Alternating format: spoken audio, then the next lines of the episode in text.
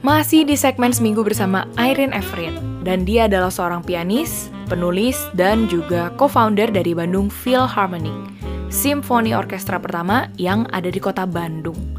Nah, di episode terakhir ini, gue dan Irene akan ngobrolin tentang salah satu emosi yang paling sering kita hindari, yaitu kemarahan.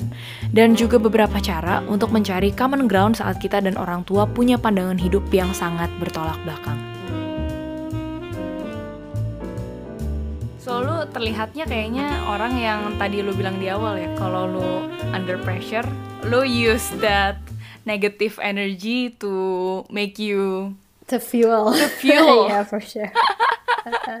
Kalau kata si Cung, si Irene harus lebih sering dibikin marah.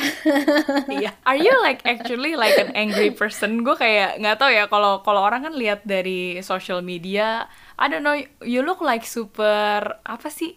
Smiley all the time. Kalau gue kan memang kayak ya gue Yeah, ada yeah, exactly. Gue ada resting bitch face gitu. Jadi orang kayak ya acing just being acing.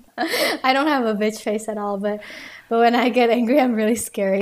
Tapi lucunya karena itu karena nggak kelihatan tuh orang-orang nggak menyangka bahwa kalau dia angry dia bisa kayak gitu ya. I see, I see, I see. Gue boleh Yeah. tahu nggak what are the most productive atau mungkin ada nggak uh, hasil karya yang lu surprise kayak wow ternyata karena gue anger gue it leads me to this gitu. Oh banyak banyak. Aku ambil yang paling recent aja ya. Most recent one itu aku lagi terlibat sebuah project. Terus uh, something happen jadi gue tuh marah banget. Gue bener-bener nggak setuju sama policies yang diambil. But I'm committed to seeing the project through to the end gitu loh. Jadi kalau gue walk out di situ juga it's too late. I don't want that gitu loh. So what happened was I actually wrote a whole musical. sampai yang lain juga sampai kaget. I wrote a whole musical dalam 24 jam kayak gue super marah. Makanya si Cung bilang, oh, dia tuh harus dibuat marah lebih sering. Marah jadi sebuah musikal. You're you're channeling your your anger right. Into creative energy ya. Yeah, yeah, it's it's a great energy. But you know, I only arrived to this very powerful understanding now. sebelum sebelumnya sih I'm all over the place and a mess lah. Gitu. Nggak nggak secara nggak nggak intentional bahwa oh ya gue tuh bisa harness energi ini. Gitu. Iya, iya, iya. Gue jadi penasaran ya tentang Iya. image itu sendiri. Image apa sih yang biasanya orang dapet tentang elu tapi lu tahu itu deep down no I'm not that I think I've always looked like a good girl, tapi sebenarnya enggak gitu. Jadi orang-orang kaget sih. kayak- Iya, iya. Kayak termasuk salah satu orang yang di project yang tadi itu bilang, oh, ternyata si Arin mafia banget ya. I'm like, oh yes. udah dapet label kayak oh iya papanya ini pendeta bla bla bla and then Yeah, on maybe, ya. orang kan Yeah, langsung lagi-lagi orang kan mau simplified kan instead of bener-bener nanya ke orang itu kayak what do you really think about a certain issue gitu. Dan yang gue juga kaget sih pas lagi lu cerita soal ini sih soal sexual harassment itu ya. Dan it takes you some time kan untuk akhirnya bener-bener speak up gitu. Setahu gue kan lo keriko lagi saat lu nonton movie malah Spotlight. tapi itu tentang sexual harassment juga kan? Yeah, it's about a journalism, a journalist uncovering um, sexual harassment issues in their city, eh, in the church. ya ya ya ya institusi gereja di kota itulah ya intinya.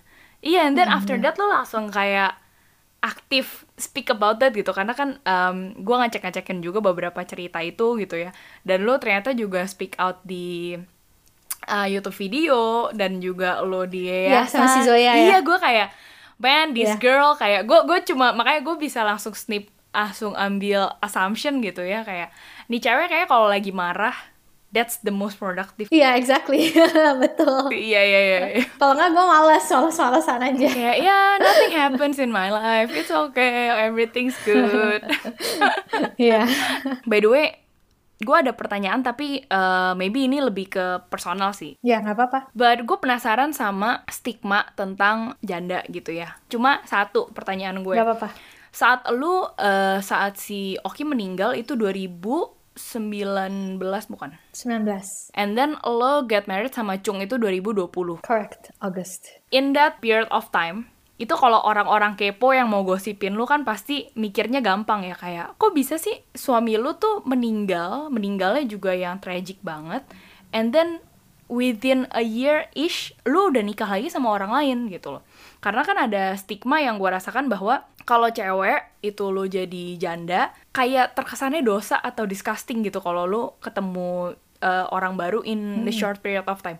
Sedangkan kalau Iya. cowok kayak gitu, itu ada justif uh, justificationnya adalah ya nggak apa-apa kan dia perlu disuruh. orang iya kan dia perlu orang yang take Iya. care gitu kan. Nah, lu sendiri uh, ada nggak sih orang yang gituin lu gitu ya? And what is your apa ya? What is your thought about it? You know, uh, one of the things that happened to me after Oki's death was I really stopped giving a fuck about almost everything.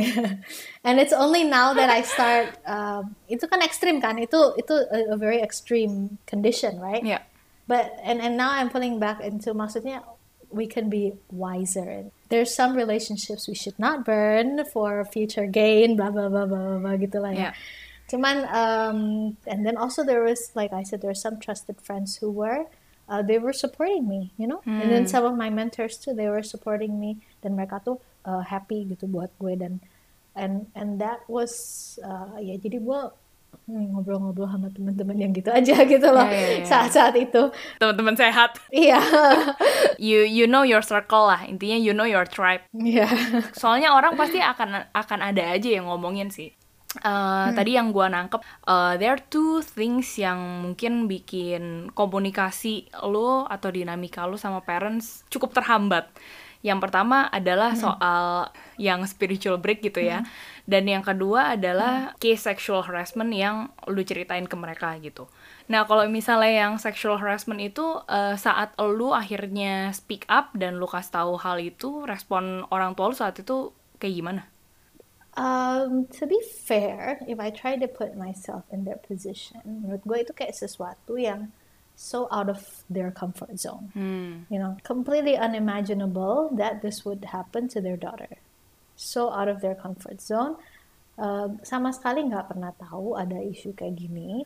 Sama sekali nggak pernah uh, terlibat penanganan isu-isu kayak gitu juga. But I mean now compared to seven or eight years ago udah lebih banyak orang-orang yang speak up soal isu itu ya kan. Ya, agree. But seven or eight years ago nggak terlalu banyak. But again, if you don't know, you can. There's ways to find out. There, you can ask professionals. You can, you can Google on the internet. Google existed then, gitu loh. You know, if you don't know, there's ways that you can know to to learn more about the issue and to, um, to learn how to better handle it. Ya. Jadi dari situ mungkin gue merasa agak disappointed karena bahwa oh, kayaknya eh, isunya kurang di eventnya, eventnya kejadiannya kurang ditanggapi dengan mm, dengan serius gitu, lebih kayak sweep under the rug, Yeah. which happens all the time, 99.9% of sexual harassment cases, right? Apalagi kalau involve-nya sama orang-orang yang mempunyai nama. Dan itu memang takes a long time untuk uh, orang speak up. 30 tahun biasanya. Really? This is somebody, uh, that, an expert on this told me in the States. Dia nulis buku Jessica something's the name of the author. Jadi dia tuh pernah di uh, rape sama serial rapist. Her and her sister were raped at gunpoint by a serial rapist when they were like 11 and 12. Dan isunya itu baru diusut 30 tahun kemudian.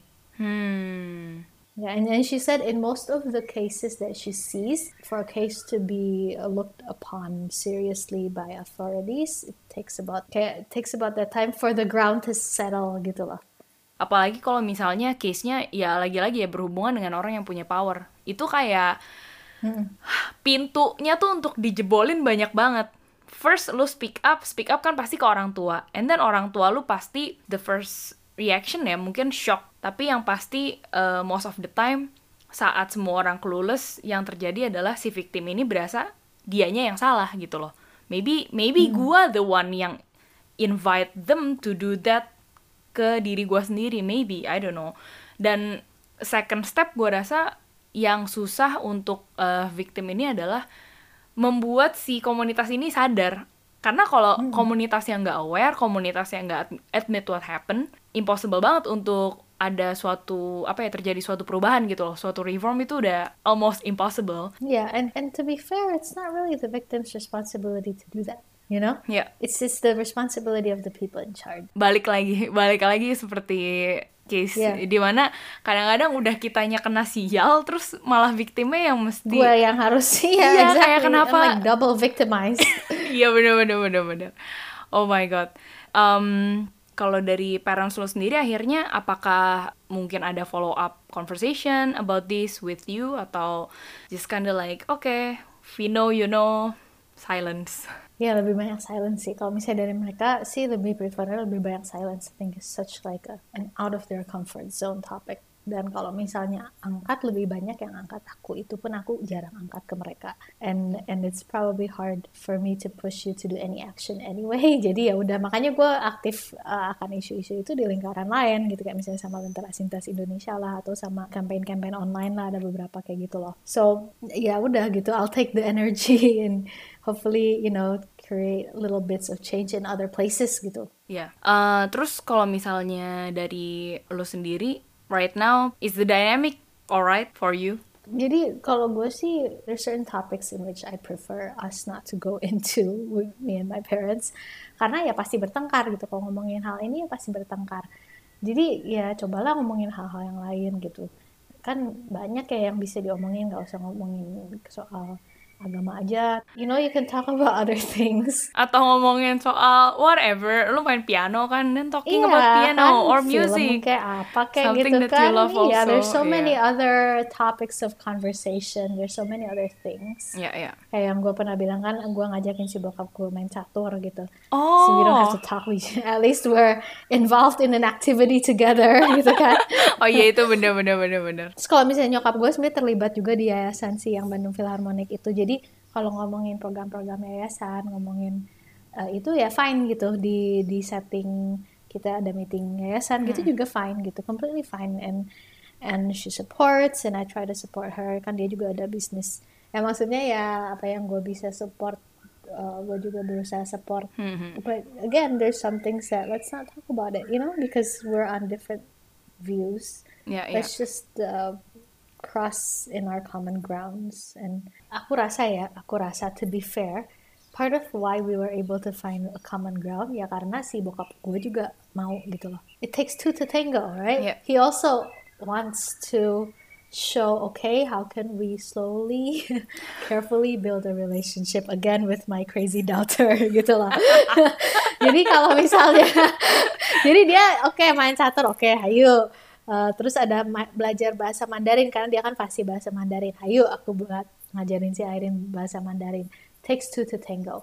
Jadi kalau misalnya pihak yang lain yang nggak mau it's very hard. Ya what can you do? Bener nggak? Ya. kalau misalnya pihak sananya benar-benar uh, nggak mau diajak bermain pun nggak mau gitu kan? I don't know. I I suppose you I, I suppose then gue save save my own emotions save my own energy aja kayaknya ya. Hmm, Uh, mungkin akan coba-coba sedikit-sedikit aja gitu loh. Ya. very rarely and very sparsely karena pasti uh, ditendang gitu kan. Iya di- bener. udah tahu nih kita coba pasti ditendang pasti di reject ya udah uh, very sparsely. Beberapa bulan sekali kali. Tapi de- dengan sangat dengan no expectation. Jadi dengan udah prepare oke kemungkinan juga gue bakal di reject kemungkinan juga gue bakal dimarahin but I wanna try because I I wanna have little I want him to know that I'm still trying gitu kan Ya. Segmen Seminggu bersama Irene Everin udah selesai nih menemani kalian dari hari Senin, Rabu, dan Jumat. Dan kalau abis ini kalian mau melihat tulisan atau karya-karya Irene yang lainnya, kalian bisa langsung cek websitenya di ireneeverin.com atau di akun Instagram at semuanya disambung ya.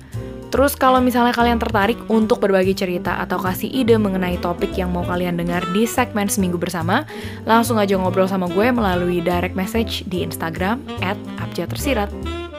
Dan kalau misalnya kalian merasa segmen ini useful dan episode ini membantu kalian in many ways, feel free untuk share it ke teman-teman kalian yang mungkin membutuhkan atau bisa juga repost dan tag gue di at abjadtersirat.